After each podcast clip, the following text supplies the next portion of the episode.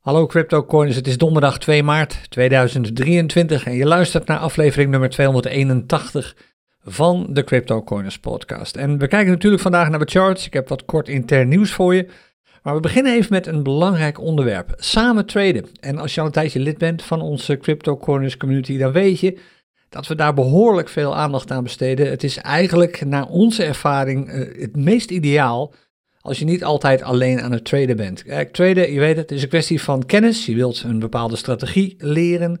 Dan een kwestie van oefenen, dus vaardigheden ontwikkelen. En daarna gaan emoties een rol spelen. Natuurlijk de primaire emoties die je kent als je met geld aan de slag gaat, angst en hebzucht. Maar ook emoties als ja, uitstelgedrag, uh, andere dingen gaan doen in plaats van te gaan traden, uh, enzovoort. Nou, juist daarom is het naar onze mening zo belangrijk dat je traden samen doet. We hebben daar onze samen trade, of onze um, live trading Telegram groep voor opgericht. Natuurlijk nog veel meer onderdelen van de Crypto Corners community zijn gericht om zeg maar, in contact te komen met anderen. Kijk naar de meetup in Utrecht van een halfjaartje geleden. Het Power Weekend dat we volgende week organiseren, ook in Utrecht. Ook weer bedoeld om jou in contact te brengen met anderen. Maar we zijn nog een stapje verder gegaan. En ik zeg er meteen bij, dit is geen initiatief van mijzelf. Um, het heeft namelijk alles te maken met Discord. En als je mij kent, dan weet je dat Discord en ik niet zulke hele goede vriendjes zijn. Ik ben op een of andere manier niet echt in staat om daar echt heel goed mijn weg te vinden. Maar dat ligt aan mij. Het zou de leeftijd kunnen zijn, ik weet het niet.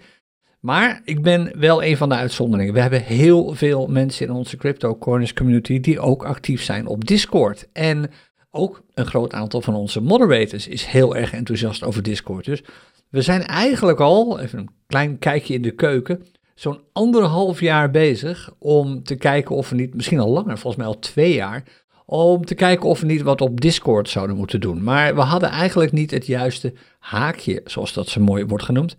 Maar dat hebben we inmiddels wel. En um, een van de mensen van het Crypto Corners team, je bent er misschien wel eens tegengekomen tijdens een, live event of in het café. Dat is Daan. Die heeft het op zich genomen om een compleet, om complete Discord server op te richten met één belangrijke focus: samen traden. Nou, degene die het beste kan uitleggen uh, is Daan. En dat heeft hij gisteravond gedaan in ons Crypto Corners Café.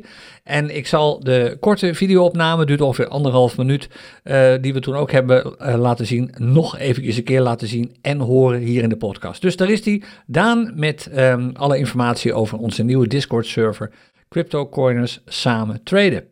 Hallo Crypto Coiners, Daan hier van het Crypto Coiners team. In deze video wil ik jullie heel erg kort meenemen in onze nieuwe CryptoCoiners samen traden Discord server. De afgelopen weken hebben we vanuit verschillende kanalen, Twitter, Telegram, cafés, clubhuizen, zelfs Kevans dagboek, te horen gekregen dat mensen op zoek zijn naar een plek om samen met elkaar online te kunnen traden. Verschillende CryptoCoiners die gaven aan dat ze het af en toe lastig vinden om consequent te blijven tijdens hun trades, tijdens hun strategie omdat ze contact met anderen missen. En natuurlijk hebben we nu zaken zoals de Telegram live trading chat.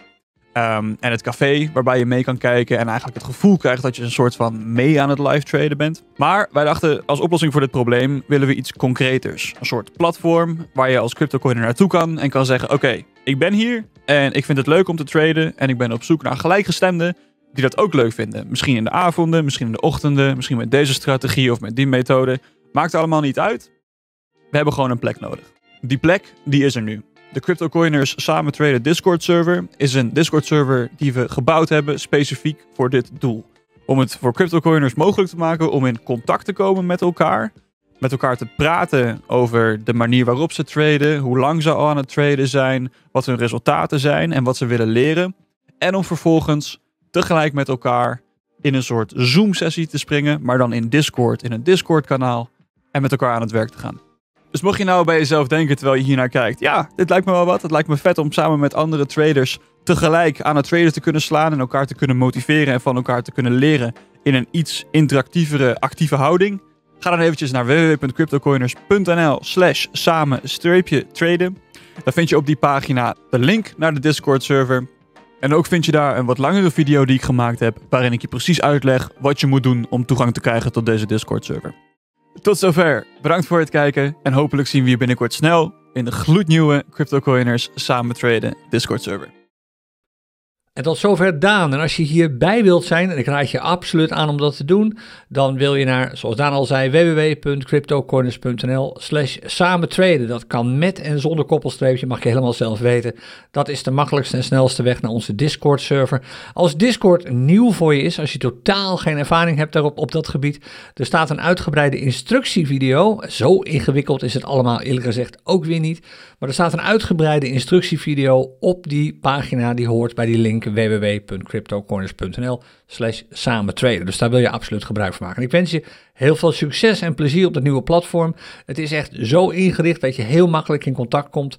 Heel drempeloos en tegelijk zo anoniem als je dat zelf wilt met andere cryptocoiners. Oké, tot zover de samen traden Discord server. Daar ga je ongetwijfeld nog veel meer van horen. Dan het Power Weekend komt eraan, dat weet je. Dat duurt niet meer zo heel lang. We zijn aan het terugtellen, negen dagen nog.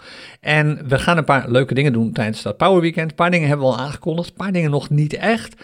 Laten we eerst even beginnen met de tegeltjes. Ehm, we gaan wat merchandise doen, wat van ons is, wordt verwacht en ook wordt gevraagd.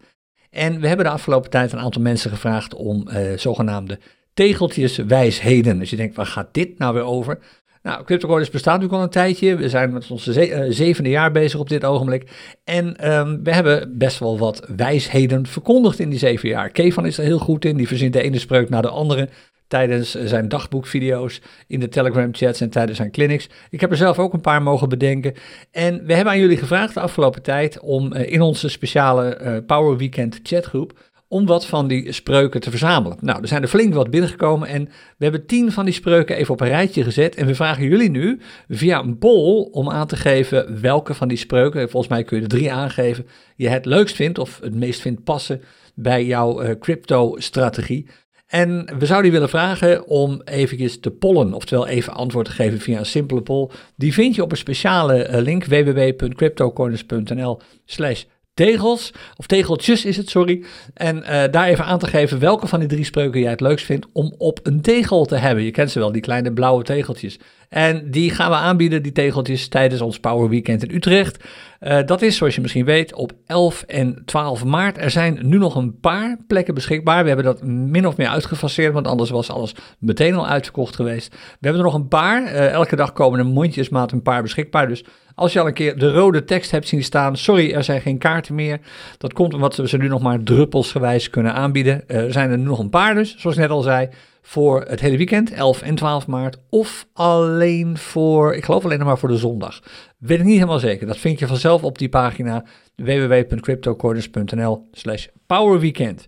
En wat dat Power Weekend betreft, uh, ik heb het al gezegd, er komen een groot aantal presentaties. Een aantal daarvan zie je ook al staan op die pagina. Maar één uh, iemand of één bedrijf staat er nog niet op. En dat is Binance. De directeur van Binance Nederland, Roy van Krimpen, komt ook langs. Uit mijn hoofd is dat op zaterdagmiddag. Ja, het is op zaterdagmiddag, want hij komt namelijk uh, als laatste, volgens mij is hij de laatste presentator voor de borrel.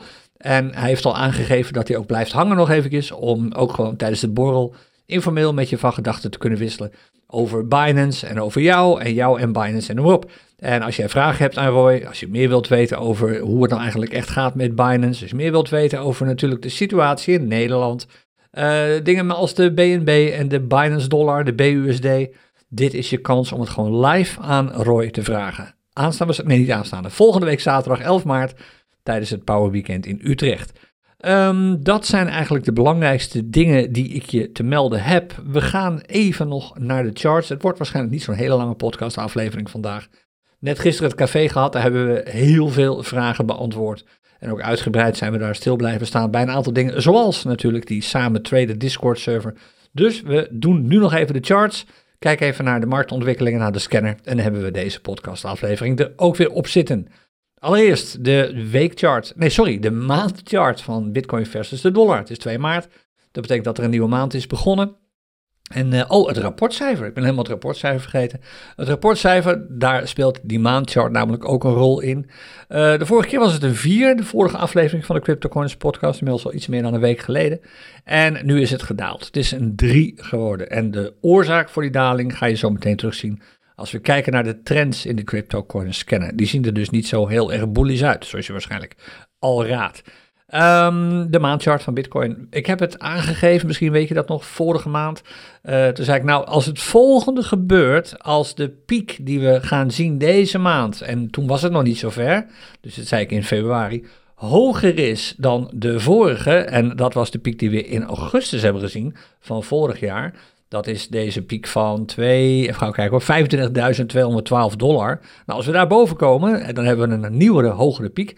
Dat is een eerste, let op, het is nog geen definitief signaal, maar het is een eerste signaal dat de trend zou kunnen gaan omkeren naar bullish. Het wordt ook wel een bullish trend reversal signaal genoemd, maar het is pas het eerste. Kijk, in de praktijk betekent het het volgende. Als de pieken hoger zijn en de dalen ook, dan weet je dat je te maken hebt met een bullish trend. En andersom, als de pieken lager zijn en de dalen ook, dan heb je te maken met een bearish trend. En zoals je hier kunt zien op deze chart, en als je op YouTube deze podcast volgt, dan zie je deze chart dus nu ook in beeld. Zoals je hier op deze chart kunt zien, hebben we daadwerkelijk een piek bereikt afgelopen maand, in de maand februari, van uh, eh, 25.270 dollar. En dat is een paar dollar, ongeveer 60 dollar meer, 58 om precies te zijn, 58 dollar meer dan de vorige piek. En dat maakt dit een geldige hogere piek, een hogere swing high. Oftewel, we hebben nu een higher high, zoals het ook wel wordt genoemd. We willen nu alleen nog een higher low zien om te kunnen zeggen: oké, we zijn nu ook op de maandchart bullish. En dat betekent dat de volgende swing low, een, een swing low betekent eigenlijk een low, een laagste prijs, die lager is dan de laagste prijs van, prijs van de maand ervoor en de laagste prijs van de maand erna. Dus deze maand kunnen we dat nog helemaal niet zien. We gaan namelijk nu deze maand pas op weg naar een low.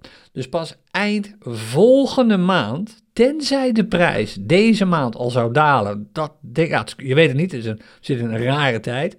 Als de prijs deze maand zou dalen, onder de vorige uh, trough, de vorige uh, swing low, het vorige dal, dat was in november vorig jaar uh, eh, 15.479 dollar.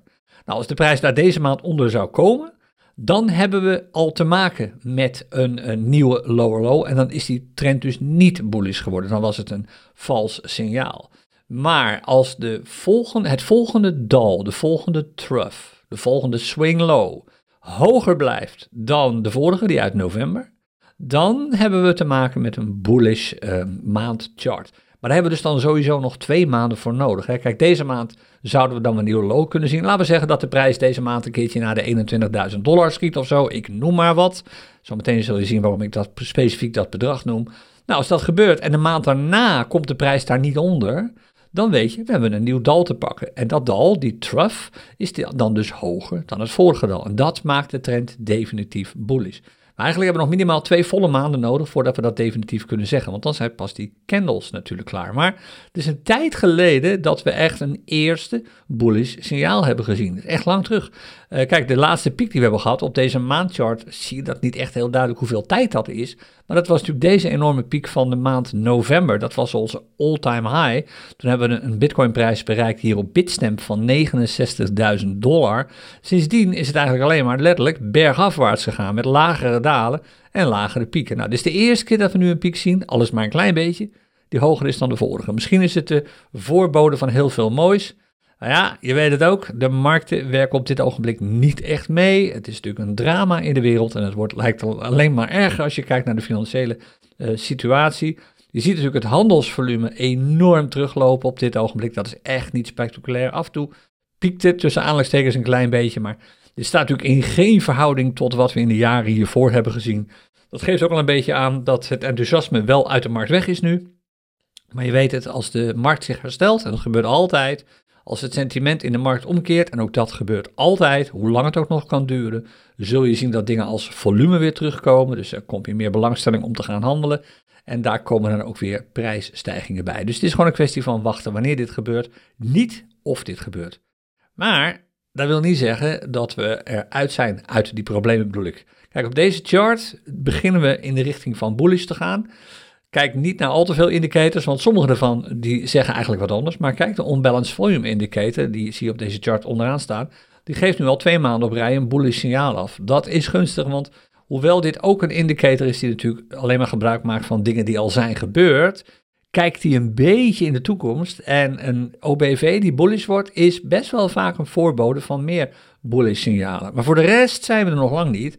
Kijk, de parabolic stop reverse, die staat hierboven. Die daalt weliswaar elke maand wel wat, maar op dit ogenblik zou die pas omkeren, nu deze maand, als de prijs boven de 48.000, 49.000 dollar zou komen. Nou, dat duurt natuurlijk nog wel even, dat gaan we echt niet in één maand zien. Maar zolang dat niet gebeurt, zolang die niet, de prijs niet door die parabolic stop en reverse heen breekt, blijft dit in weerstandslijn, blijft die boven de prijs staan en blijft die dus bearish. Die geeft een bearish signaal af. Nou, meer hoef ik niet over te zeggen. Er is een voorzichtig eerste signaal te zien. Waar ik ook op let, eigenlijk al vrij lang, volgens mij zeg ik dat elke maand ook wel, is op die uh, oranje lijn die hier loopt. Dat is een, gewoon een simpele MA, een MA50, een moving average, voortschrijdend gemiddelde van de laatste 50 sluitprijzen. En daar zit de prijs eigenlijk nog steeds onder. Hij komt er soms wel even boven. Afgelopen maand is hij er ook even boven geweest. Kijk, dat zie je aan die wick, als ik het even iets uitvergroot. Die, deze lont aan de bovenkant, dit is een candlestick, een kaars. En die lont aan de bovenkant, die is even boven die prijs geweest. Boven die lijn, die MA50. Maar dat is niet wat je wilt zien. Je wilt dat de prijs er echt boven sluit. Dus dat de body, zoals het heet, van die candlestick boven die oranje lijn staat. En dat is nu niet het geval geweest afgelopen maand, de maand daarvoor ook net niet. Eigenlijk al heel lang niet. De laatste keer dat het gebeurde, dat hij erboven sloot, was vorige zomer in juli 2022. En dat was ook maar één keer. Daarna was het. Uh, oh, dat is trouwens onzin. Dat was niet één keer. Want daarna, daarvoor bleef de prijs er ook gewoon boven. Hij sloot er één keer onder trouwens. Toen weer naar boven. Maar dat was een, een uh, retracement. En daarna dook je er weer onder. Kijk, dat hij er even boven ging in juli. Na een lange daling sinds november, die, die all-time high. Uh, wordt een retracement genoemd. Een pas op de plaats. Een correctie. Eigenlijk, dit was zelfs een correctie, want dit was volgens mij meer dan 10%. Ja. Een correctie in een dalende trend. Nou, nu op dit ogenblik we zitten nog steeds in een dalende trend. Dit is geen correctie meer, want kijk, dit is echt wel heftig veel. Je praat er gewoon over 35%, dus dit is geen, ik zei correctie, ik bedoel, dit is geen retracement meer. Maar je wilt dit nu wel doorgezet, doorzet, aan het doorzetten zien. En dat betekent dat je eigenlijk gewoon wilt dat die prijs nu eindelijk eens een keertje weer sluit boven die MA50. Ook dat is dus nog niet gebeurd en daar let ik echt op. En we weten dus wat er ook in de tussentijd met de prijs gebeurt. Ook al schiet hij nu door de 25.000 heen op naar de 28, dan nog is het niet definitief. Je wilt aan het eind van deze maand, en dat duurt echt nog wel even, een candlestick zien die boven die MA50 is gesloten. Dat is een serieus signaal. Als dat ook nog eens een keer gebeurt, dus en we breken door die piek heen en de prijs sluit boven die MA50 deze maand, dan wordt het leuk. Dan zouden we wel eens een bullish maandchart kunnen zien en dat zou wel eens kunnen betekenen dat handelaren en beleggers en traders dus ook weer enthousiaster worden. Op dit ogenblik is dat gewoon nog niet het geval. Nou, dan die weekchart. Uh, ik zei het vorige keer al, vorige week dinsdag, best veel veranderd. Nou, nu wat minder deze keer. Uh, we zeiden het vorige week al, waarschijnlijk hebben we de nieuwe piek wel te pakken. Dat was de piek van deze week dus, de week van 13 februari, die 15.000, uh, 15.000, sorry, 21.000. Um, 21, wat was het? Uh, sorry, 25.270 dollar. Uh, die piek die hebben we daadwerkelijk bereikt, want daar zijn we de afgelopen week niet meer boven gekomen. We zijn iets onder die prijs uh, gesloten of geweest met onze swing highs. Dat betekent dat we nu weer op weg gaan naar een nieuw dal. Maar de piek die we hebben bereikt is hoger dan de piek ervoor. Nou, de weekchart was al bullish, die blijft dus gewoon keurig bullish. Dit ziet er allemaal best wel goed uit. Um, het is lastig om nu op dit ogenblik de juiste peaks en troughs analyse te doen. Want we hebben een beetje een rare situatie gezien uh, twee weken geleden. De week van de dertiende dus. Toen hebben we dus de nieuwe piek gehad. Die prijs van 24.270. En eigenlijk tegelijkertijd in dezelfde week ook een nieuwe trough gehad. Ook een nieuw dal gehad. Namelijk 21.376 dollar. En normaal gesproken wil je dat eigenlijk niet in één candlestick zien. Een candlestick geeft of een nieuwe piek aan of een nieuw dal aan. Nou, we waren op weg naar een nieuwe piek. Dat maakt eigenlijk dit signaal, dit dal, ongeldig. Dan zou je dus eigenlijk moeten zeggen, nee, dit dal geldt niet. We gaan terug naar het vorige dal en dan moet je echt ver terug. Dan gaan we echt terug naar uh, vorig jaar, dus vorig jaar november. maar je zou ook kunnen zeggen, nou weet je wat, we accepteren dat even. Is een langzamer chart, een weekchart ik zou zeggen, kies gewoon zelf wat je doet. Ik heb voor nu even gedaan alsof ze inderdaad allebei afkomstig zijn van één candle. Dus ik ga er even vanuit dat we in één week tijd zowel een nieuwe piek hebben bereikt als een nieuw dal hebben bereikt. Of eigenlijk eerst een nieuw dal en toen een nieuwe piek hebben bereikt. En dat we dus nu weer op weg gaan naar een nieuwe trough. Volgende week weten we of dat echt zo is. Het hangt wel heel erg af van wat er met de prijs deze week gebeurt. Maar dat weten we nogmaals pas volgende week. En wat die prijs betreft, je ziet het, ook dit zeiden we vorige week al, vallen een beetje in herhaling, het is niet anders. De 25.000 dollar zone is gewoon super zwaar. Daar zit zoveel weerstand, daar zit zo'n plafond. Het duurt echt, het kost echt veel moeite voor de prijs om daar doorheen te breken.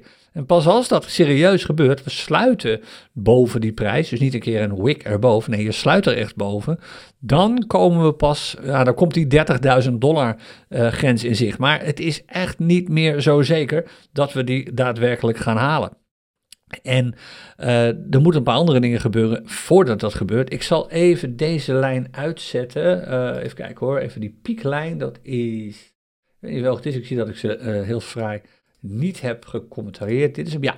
Kijk, als ik die pieklijn even uitzet, dan zie je hier een MA200 lopen, hier aan de bovenkant. We hebben het elke week over hebben. ik, ik roep echt al een paar weken nu van, ja, daar moet de prijs gewoon een keer boven sluiten. En dat is niet gebeurd. Twee weken geleden kwam de prijs wel even boven, maar sloot niet boven die lijn. Vorige week, de prijs kwam er even boven, kun je zien als je een beetje inzoomt, maar sloot niet boven die lijn. En ook nu zit hij er weer ver onder.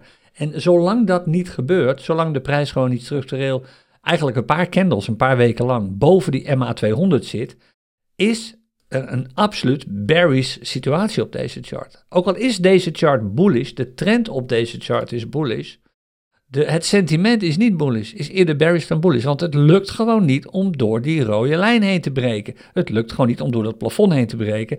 En nu wordt het helemaal spannend, want die MA200-lijn zit nu op exact hetzelfde punt als de vorige piek van 13 februari. Die was hoger dan de vorige. Je wilt dus nu weer een piek hebben die hoger is dan de vorige. En dat moet wel gebeuren. Gebeurt dat niet, dan gaan we gewoon dalingen zien. Uh, zo simpel is dat. En ik, ik ben nog steeds van mening dat we zomaar zou kunnen terugvallen naar een prijs dik onder de, misschien wel 21.000, misschien wel onder de 20.000. En daar is nog een reden voor. En deze laat ik normaal gesproken niet zo heel vaak zien in de podcast. Wel als ik technische analyses doe, bijvoorbeeld in onze clinic of in uh, aparte video's daarover.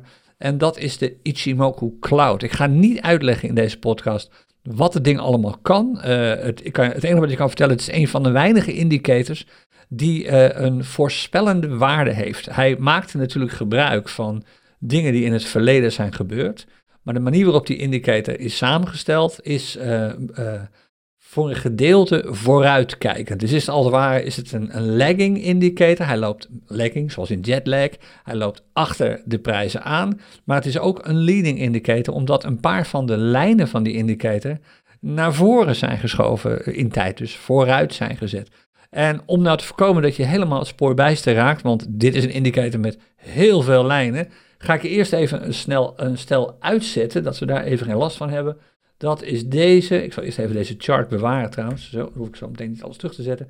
Uh, deze kan uit, uh, deze lijn kan uit, deze lijn weet ik even niet eens wat die is. Uh, de Keltner channels die mogen even uit. De parabolic stop reverse mag even uit. moving average lijn mag even uit. Zo, nu hebben we een relatief um, leesbare chart. We hebben alleen de candlesticks in beeld en de huidige prijs. En de onbalanced volume staan nog aan, die kunnen we ook wel even uitzetten. Zo, nu hebben we alle ruimte. En wat ik nu ga doen, is eventjes de Ichimoku Cloud erbij halen. Dat is deze indicator. Als je die voor de eerste keer ziet, als je meekijkt, niet schrikken, want dit is een batterij aan lijnen en vlakken waar je misschien helemaal ibal van wordt. En dan moet je je voorstellen dat Ichimoku Cloud, uh, die indicator, dat woord Ichimoku betekent eigenlijk uh, balansoverzicht in één oogopslag. Oftewel, als je deze indicator snapt, dan heb je in één oogopslag, volgens de maker hiervan, een, uh, een Japanse journalist, heb je meteen een beeld van hoe het ervoor staat. En je kunt ook prima traden op deze indicator. Ik heb er al eens een keer een video over gemaakt, volgens mij al een hele tijd geleden. Meestal doe je dat dan op een urenchart of op een dagchart. Daar gebruik ik hem nu even niet voor, hoewel die wel een signaal begint af te geven. Ik zal zo even kort vertellen wat dat signaal is. Ik zal eerst even dit vakje weghalen met trend bullish erbij. Wordt toch een langere podcast dan ik had verwacht volgens mij. Oké, het enige wat ik ga aangeven is het volgende. Die Ichimoku Cloud staat vol met lijnen. Dat zijn er vijf. Maar we kijken op dit ogenblik maar naar twee lijnen. Namelijk naar deze blauwe lijn die hier loopt. Dat is de, uh, de conversielijn, wordt dat ding genoemd. En die rode lijn die er vlak boven loopt en nu eronder staat. Dat is de, base, de basislijn, de baseline. En op het moment dat die blauwe lijn, die conversielijn, door die rode, uh, door die rode lijn heen breekt, kan dat een signaal zijn. En het is in dit geval een signaal, omdat beide lijnen onder deze wolk staan. Deze cloud, daar komt de naam Ichimoku Cloud vandaan, van deze wolk die ontstaat. En als je jou vraagt, waar is die wolk op gebaseerd? Op naar rechts geschoven lijnen. Deze twee lijnen daar, twee leading spans zijn dat. Ik ga niet al te veel technische woorden doorheen gooien, want het is al pittig genoeg dit. Maar feit is dat hier een wolk is. Die wolk is rood op dit ogenblik, zoals je ziet. Er staan ook groene wolken, zoals je hier ziet. Maar deze wolk is rood. En die rode wolk geeft aan dat het sentiment niet gunstig is. Nou, dat weten we. Het sentiment is eerder negatief dan positief op dit ogenblik. En zo gauw de prijs zich in die wolk bevindt, is het eigenlijk net als in het vliegtuig. Dan is de kans op turbulentie, dus heftige prijsbewegingen, gewoon groot. Daar wil je dus niet in zitten. Je wilt niet traden als de prijs in deze wolk zit. Maar veel belangrijker is dat hij een keer uit die wolk komt. En nu zal ik even vertellen wat het signaal is, wat ik bedoelde. Als de prijs onder de wolk staat, als beide lijnen, de baseline en de conversielijn, dus die, die conversielijn, die blauwe en die baseline, die rode, als die ook onder de wolk staan en als die elkaar kruisen, dat gebeurt hier, is dat een eerste signaal dat de trend omkeert en de prijs ook naar bullish. En dat is iets waar je absoluut rekening mee wilt houden. Je ziet dat in het verleden ook en dan moet je echt terug, want de laatste keer dat dat signaal is geweest, moet je eens kijken hoe ver we terug moeten wat Bitcoin betreft. Uh, hier is de wolk ergens, dat ongeveer hier was dat. Dat was in mei 2020. En kijk wat er in mei, sinds mei 2020 is gebeurd. De wolk kun je haast niet zien. Die was super plat. Was nauwelijks turbulentie. En kijk, de hier doorbreken bij lijn elkaar op 11 mei. Dit is dus de weekchart. En kijk wat er daarna is gebeurd met de prijs. En dan kun je zeggen, ja, dat is toeval. Dit komt zo waanzinnig vaak uit dat je dat niet meer als toeval kunt zien. Andersom hetzelfde feest, hè.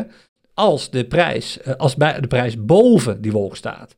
En opnieuw, die beide lijnen doorkruisen elkaar. En het laatste voorbeeld daarvan is hier.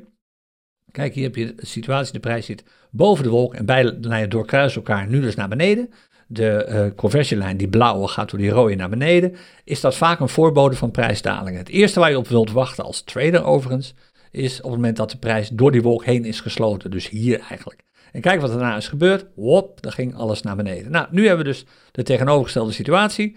Lijnen breken door elkaar heen. De prijs zit nu hier, eh, boven de lijnen al. En nu wil je dus eigenlijk wachten op het moment dat de prijs boven die wolk uitkomt. En naarmate de weken vorderen, zal die wolk steeds lager komen te hangen. Dat heeft alles te maken met wat er in het verleden is gebeurd. En dat betekent nu zou het nog een prijs moeten zijn van 40, ruim 45.000 dollar. Maar over een paar weken zakt dat behoorlijk naar de 34.000 dollar in, in het voorjaar, in mei. En nog weer een paar weken later in de zomer zakt het naar de 30.000 dollar. Als de prijs daardoor heen breekt, als dat zomaar zonder verder oponthoud gebeurt, dan is er echt sprake van een mooie bullish trend waar je kunt meeliften. meeliften. En daar let ik dus ook op, want er zijn best signalen op deze chart die laten zien dat het allemaal niet zo gunstig is. Kijk met name naar die MA200 die je ziet. Maar eh, kijk ook naar een bepaald signaal dat aanziet dat het erop aangeeft dat het op de lange termijn best wel eens gunstig zou kunnen worden. Dat is die uh, Ichimoku Cloud. Nou, die wou ik even met je delen. Uh, dit niet bewaren. Dan hoef ik volgende week niet, of ja, volgende week niet alles weer in te stellen. Dit is de dagchart die ik hier heb. Bitcoin versus de dollar. Um, daar hebben we een nieuwe low te pakken op dit ogenblik. En die low die is ook weer hoger dan de vorige. De low die we uh, hier zien op 25 februari is uh, hoger dan de vorige die we hebben gezien. Dus het is allemaal prima dit. Hier hoeven we niet al te lang naar te kijken. De Keltner channels die zijn nog steeds neutraal. Net als, volgens mij waren ze net nog bullish toen ik de vorige podcast opnam. Nu zijn ze inmiddels neutraal geworden. De Parabolic Stop Reverse staat onder de prijs. Uh, de OBV is bearish. Is, was hij toen ook al, is hij nog steeds eigenlijk. Kortom, de dagchart is nu nog bullish. Ook de low is gelukkig higher dan de volgende. Maar het moet wel zo blijven natuurlijk. Het ziet er allemaal niet zo heel florissant uit. Eerlijk is eerlijk. Um, kijk ik hier naar? Nog even kort. Die trough natuurlijk, hè, die 22,770 die we hier zien. De laatste trough van uh, de 25ste van vorige week. Als die niet houdt, als de prijs, is een supportlijn, is een vloer. Als die niet houdt, nou ja, je ziet hier twee vloeren. Kijk, hier is de volgende. Dit is support en dan zit je op een niveau van 21.000, een zone van 21.000 plus of min 400 dollar. Als die ook niet houdt, dan gaan we naar de volgende, die zit hier. En die zit, dan zit ik al rond de 20.000 plus of min 400 dollar. En als die ook niet houdt, dan zakken we nog verder terug. Dan gaan we naar de 16.000, die hier zit. En als die ook niet houdt, dan gaan we naar de 13.000. Maar dit zijn echt niet van die hele stevige vloertjes hoor. Dus zolang de prijs hier opsteunt, en dit gaat best wel goed zoals je ziet, dit is een sterke support. Maar als die support een keer breekt, en hoe langer de prijs in de buurt van deze vloer hangt, dus de grotere kans dat dat gebeurt, dan gaan we hier naartoe. En die blijft niet zo lang. En deze ook, die blijft niet zo lang, deze vloer. Want daar zijn er gewoon te weinig raakpunten voor. Die is te weinig getest. Hier een beetje jaar oktober, maar ook die test is niet geslaagd zoals je ziet. Dus dit is iets waar je echt rekening mee wilt houden. De prijs moet weg uit deze trough-zone. De prijs moet echt door die piek van 25.270 heen breken nu gewoon eens een keertje. En dan ook structureel. Dus een paar candles op rij hoger dan 25.200. En daar komt gewoon te weinig positieve informatie voor uit alle bronnen. Ik bedoel, uh, kijk naar wat er in Amerika gebeurt uh, op de financiële markt. Is natuurlijk allemaal gewoon kommer en kwel. Uh, kijk wat er gebeurt als je naar de ontwikkelingen in de wereld kijkt. Ook allemaal kommer en kwel. De resultaten van bedrijven vallen tegen. Inflatie stijgt wereldwijd natuurlijk weer. In Amerika is de inflatie hoger dan men had verwacht. In Europa of in Nederland stond vanochtend in de krant dat de inflatie hoger is dan men had verwacht.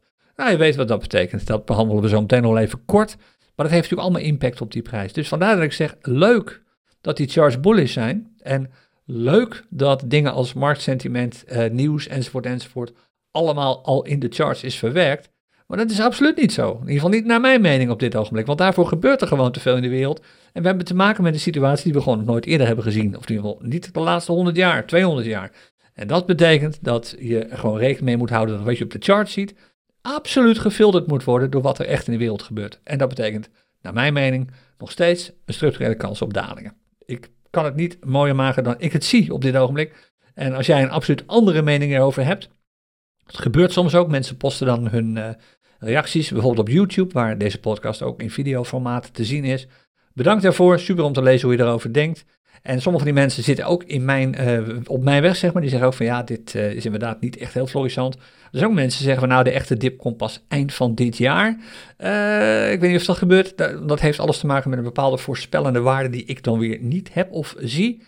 Is trouwens niet helemaal waar wat de prijs van goud betreft. Daar kom ik zo meteen nog even op terug. Waar ik hierop let op die dagchart, veel minder overigens dan op de weekchart op het ogenblik.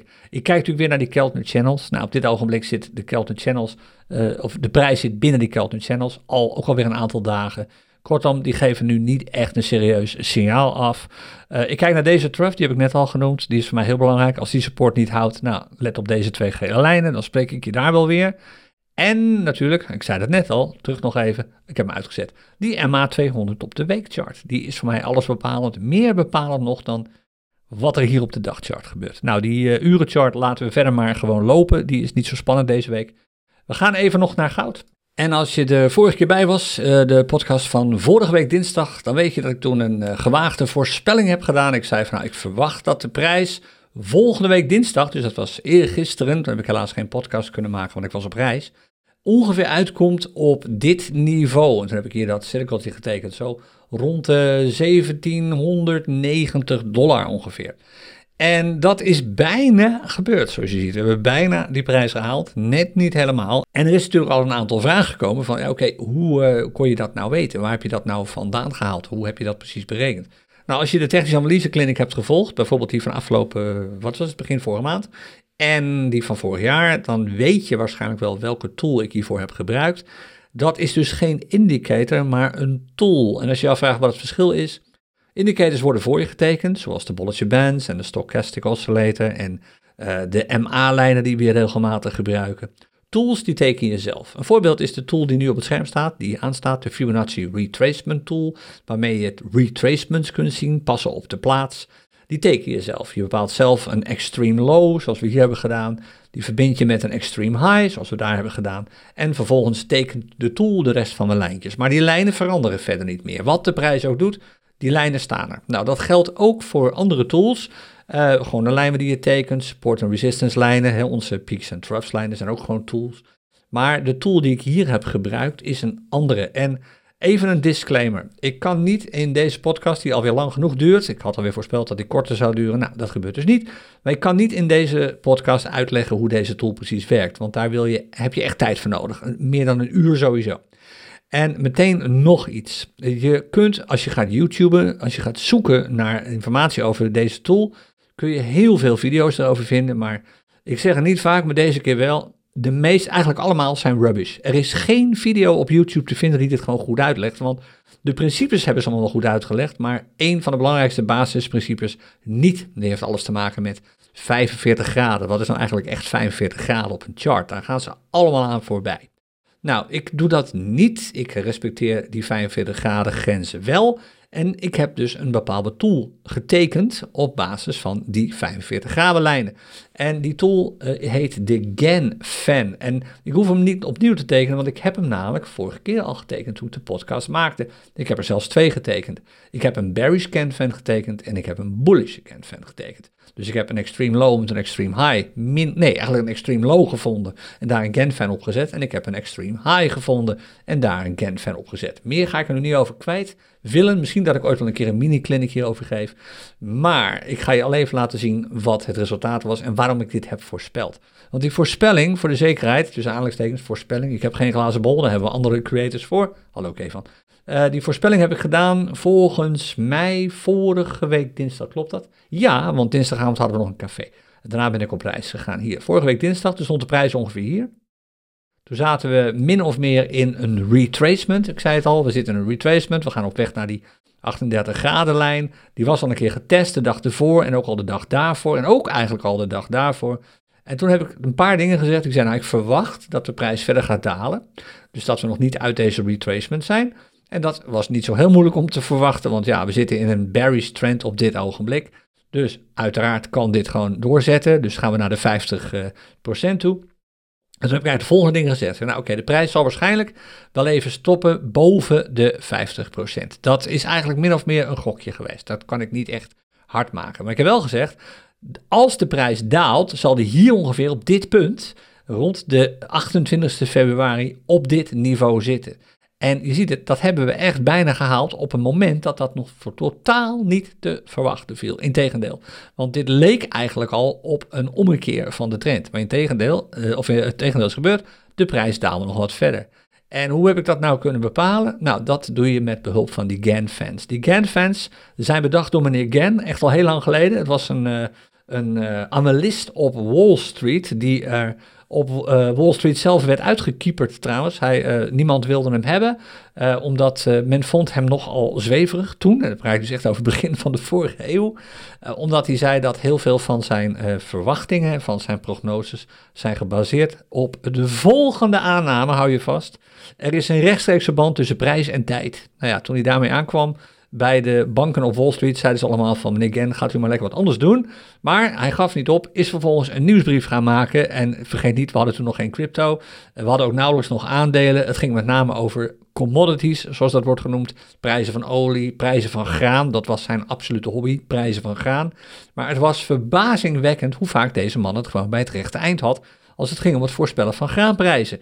En dat deed hij in, omdat hij bij de banken niet werd aangenomen, bij, in zijn eigen nieuwsbrief. Dus hij gaf een nieuwsbrief uit, daar liet hij zich vorstelijk voor betalen natuurlijk, waarin hij onder andere zijn Genfan-mechanisme gebruikte om de prijs van graan te voorspellen. En dat klopte eigenlijk altijd. Dus de man was loaded, zoals het heet, zeker voor zijn tijd. Na zijn dood hebben ze een fortuin gevonden van volgens mij 10 miljoen dollar. Nou, nu is dat best nog wel veel, maar het is niet iets wat je extreem rijk maakt meer tegenwoordig. Kijk maar naar de Elon Musks en zo van deze wereld. Maar toen, 100 jaar geleden, was dat echt uh, bij het equivalent van wat nu een miljard is. Dus dat was heftig. En uh, hij baseerde heel veel van zijn voorspellingen en prognoses op uh, numerologie, astrologie enzovoort enzovoort. vrij veel zweverig allemaal.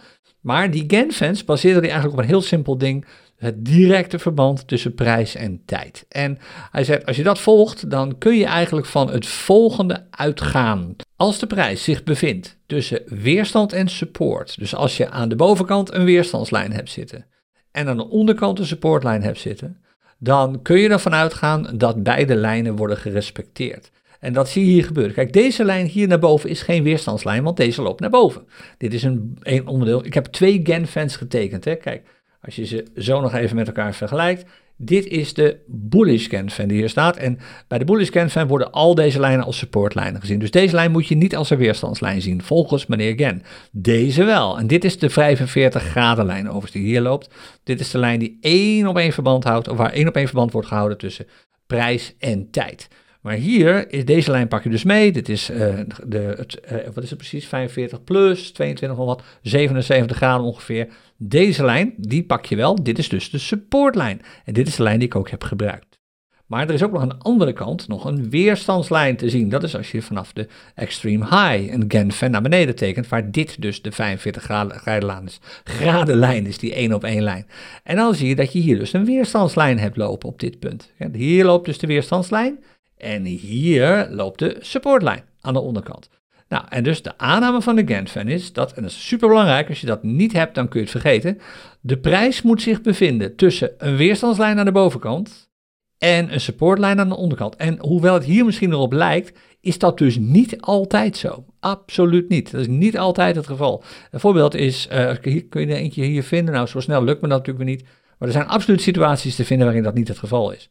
Is dat wel zo, dan zal de prijs deze weerstand respecteren. En dat doet hij ook. Dit was het moment dat ik de verwachting uitsprak. En kijk, dag na dag is deze weerstandslijn getest. Steeds weer. Uiteindelijk is de test hier mislukt. Hier is de test gebroken, want toen zaten we al bijna op dit niveau hier. En de reden dat ik voor deze prijs heb gekozen, hij zit net iets boven die 50% lijn van de Fibonacci Retracement Tool. Dus je kunt je voorstellen hoe waanzinnig het interessant is om als je te maken krijgt met een retracement of een correctie, maar correcties zijn ook retracements. Retracement is geen correctie. Een correctie is eigenlijk een retracement van 10% of meer. Als je daarmee te maken krijgt, is het, kan het heel interessant zijn, zeker als je net uit een behoorlijke rally komt, een prijsontwikkeling naar boven, of een flinke daling, uh, om dan niet alleen Fibonacci retracement te tekenen, maar ook Ganfans te tekenen. Alleen pas op met die Ganfans, ik zei het net al, voordat je het weet, teken je ze verkeerd. Maar als je ze eenmaal goed tekent, en nogmaals, als je het leuk vindt, laat dan een reactie achter op YouTube. Dan geef ik hier gewoon een keer een mini-clinic over, over dit soort tools, over de Fibonacci retracement tool en over de Ganfans. Laat ik je zien wat je er allemaal mee kunt doen.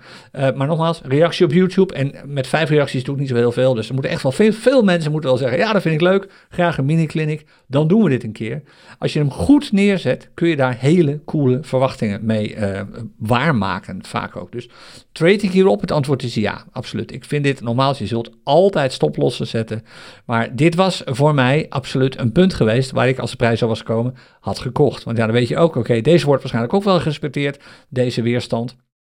Dan gaan we weer naar boven. Of sorry, deze support hier zit. Dan gaan we weer naar boven. Hier tussen is wel te traden, bijvoorbeeld. Want nogmaals, als dit houdt. Het, zijn, is trouwens ook weer een symmetrische driehoek. Hè?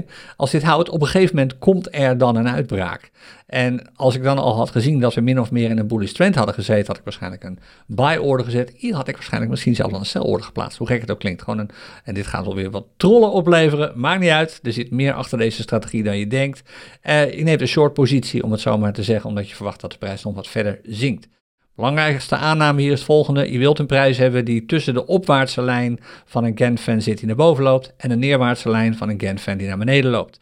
En dat is eigenlijk hoe ik tot deze voorspelling ben gekomen. Een beetje uitgeweid nu, sorry voor de extra tijd die ik hier meteen uh, misschien aan besteed. Ik hoor het wel of je het interessant vindt om dit in een mini-clinic een keertje uh, nog te horen en te zien. Ga ik nu even deze lijnen allemaal weer uitzetten, want verder hebben we ze nu niet meer nodig. Hoe zit het dan met de prijs van goud? We zitten nog steeds in die retracement.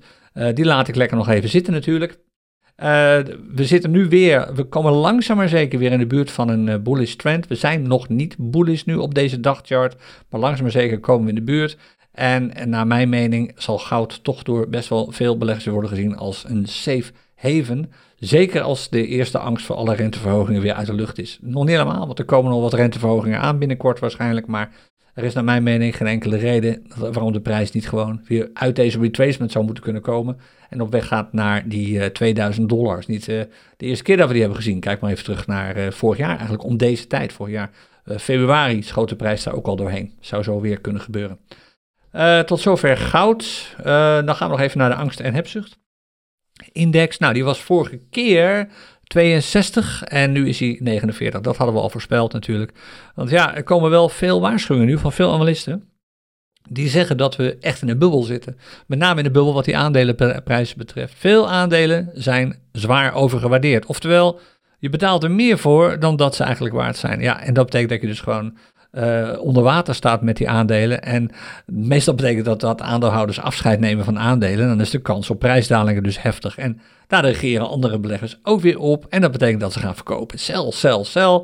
Ja, en dan creëert uh, de markt zelf zijn eigen angst. En dat betekent dat, we, dat je niet raar wil opkijken als we van neutral toch weer naar fair duiken. Op relatief korte termijn waarschijnlijk al. Want de inflatie, ik zei het net al even, de inflatie wordt alleen maar hoger en hoger, ook in Amerika. Dus de Amerikaanse centrale bank, die zitten gewoon echt in een spagaat waar je gewoon niet in wilt zitten. Die hebben eigenlijk maar twee middelen om inflatie te bestrijden. Maar dan heb je het over inflatie, die, waar ze zelf min of meer de oorzaak van zijn, waar het land zelf de oorzaak van is.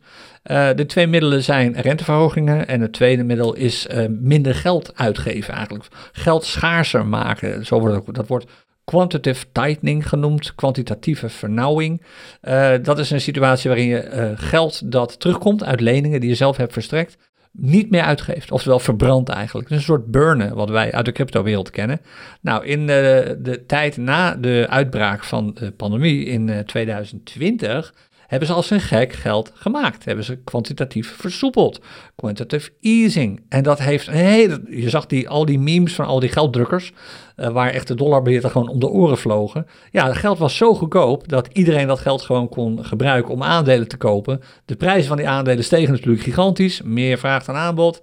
Maar er zat niks achter. En dat zie je dus nu gebeuren. Mensen hebben aandelen gekocht waar niks achter zat. De waarde klopte gewoon niet bij de prijs die voor die aandelen werd betaald. Nou, de Fed zit dus nu opnieuw in de situatie dat ze zeggen de inflatie wordt duurder. We moeten, die markt raakt oververhit, de consumentenmarkt met name. Uh, we moeten zorgen dat mensen nog minder kunnen kopen. Want zolang mensen maar blijven kopen, raakt die markt nog oververhitter. Is dat een woord? Ik denk het wel. Dat betekent dat we nog geld nog duurder moeten maken. En de enige manier eigenlijk die ze hebben, want ze vernauwen al zoveel, ze verbranden al zoveel geld, is dat ze de rente nog hoger maken. En, uh, of ze moeten natuurlijk zeggen, weet je wat, we zorgen dat de oorzaak wordt weggenomen. Maar ja, die oorzaak ligt niet in Amerika. Die oorzaak ligt in uh, Rusland en Oekraïne. Ja, en om dat even weg te nemen, daarvoor is de Fed nou niet machtig genoeg. Dus dit betekent dat je gewoon echt kunt uittellen dat er weer renteverhogingen gaan aankomen. En wat denk je dat beleggers gaan doen? Als de rente nog hoger wordt, dan gaan ze nog meer aandelen verkopen. Dus dat gaat gebeuren, daar kun je op wachten. En helaas heeft dat natuurlijk ook zijn impact, zoals we weten, op de prijzen van crypto. En dit voorbeeld van de heatmap, die ontstond na het laatste gerucht tussen aanleidingstekens dat de Amerikaanse Fed weer rente moet gaan verhogen. Die zijn hawkish, zoals het heet. Uh, dat betekent dat er weer hikes worden verwacht van de rente. Dat gaat weer flink omhoog allemaal. En dat zie je terug op deze charts. De bitcoin is goedkoper geworden de afgelopen dag. Ether is goedkoper geworden. BNB, Polkadot, bijna allemaal. Er zijn weinig munten die het echt lekker doen. Uh, je ziet dat ook wel terug als we de CryptoCoiners scanner erbij pakken. Als we kijken naar de barometer. Zal ik eerst even erbij pakken. De barometer. Oh, barometer schrijf je zo. Kun je trouwens afkorten tot BM als je de barometer gebruikt. Kijk, hier word je niet vrolijk van. Dit zijn allemaal minnetjes. Uh, de prijzen, de gemiddelde prijs van alle coins in bitcoin uitgedrukt, is lager dan wat een dag geleden om deze tijd was. Ik zal trouwens even deze meldingen stoppen. En ook uh, lager dan die vier uur geleden om deze tijd was. En ook lager dan dat die um, vier, of één uur geleden om deze tijd was. Nou, als je dan naar de trends kijkt, de trend van zo'n beetje alle markten die je met dollar kunt bedienen, waar je dus dollar als basismunt gebruikt, die was vorige week nog een klein beetje bullish. Ik weet niet meer hoeveel, maar het was echt 6% of zo geloof ik. Nou, nu niet meer hoor. Nu is die trend behoorlijk zwaar bearish geworden. 27% bearish. Dit, dus dit betekent eigenlijk het volgende. Er zijn charts, of je nou naar de dagchart, de weekchart, de urenchart, noem maar op kijkt, die allemaal bearish zijn. En je ziet dat hier het voorbeeld. Er zijn gewoon drie charts te vinden. Drie charts met de dollar als basismunt, de USDT. Die 100% bearish zijn. Daar vind je eigenlijk geen, welk interval je ook kijkt, geen echte bullish chart tussen. Maar er is geen één chart te vinden, of geen één marktpaar te vinden, waar je alleen maar bullish charts op aantreft. Kijk je als je naar de eerste, als je kijkt naar de top 10 hier, de, op de plek die op nummer 1 staat, heeft geen 100% bullish charts.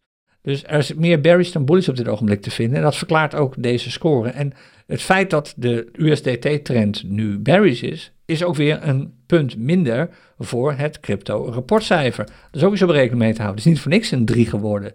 Kijk, de, de dagprijs van Bitcoin is gestegen sinds gisteren. Of sinds eergisteren. De close van gisteren was hoger dan de close van de dag ervoor. Dus dat is een punt, dat is mooi.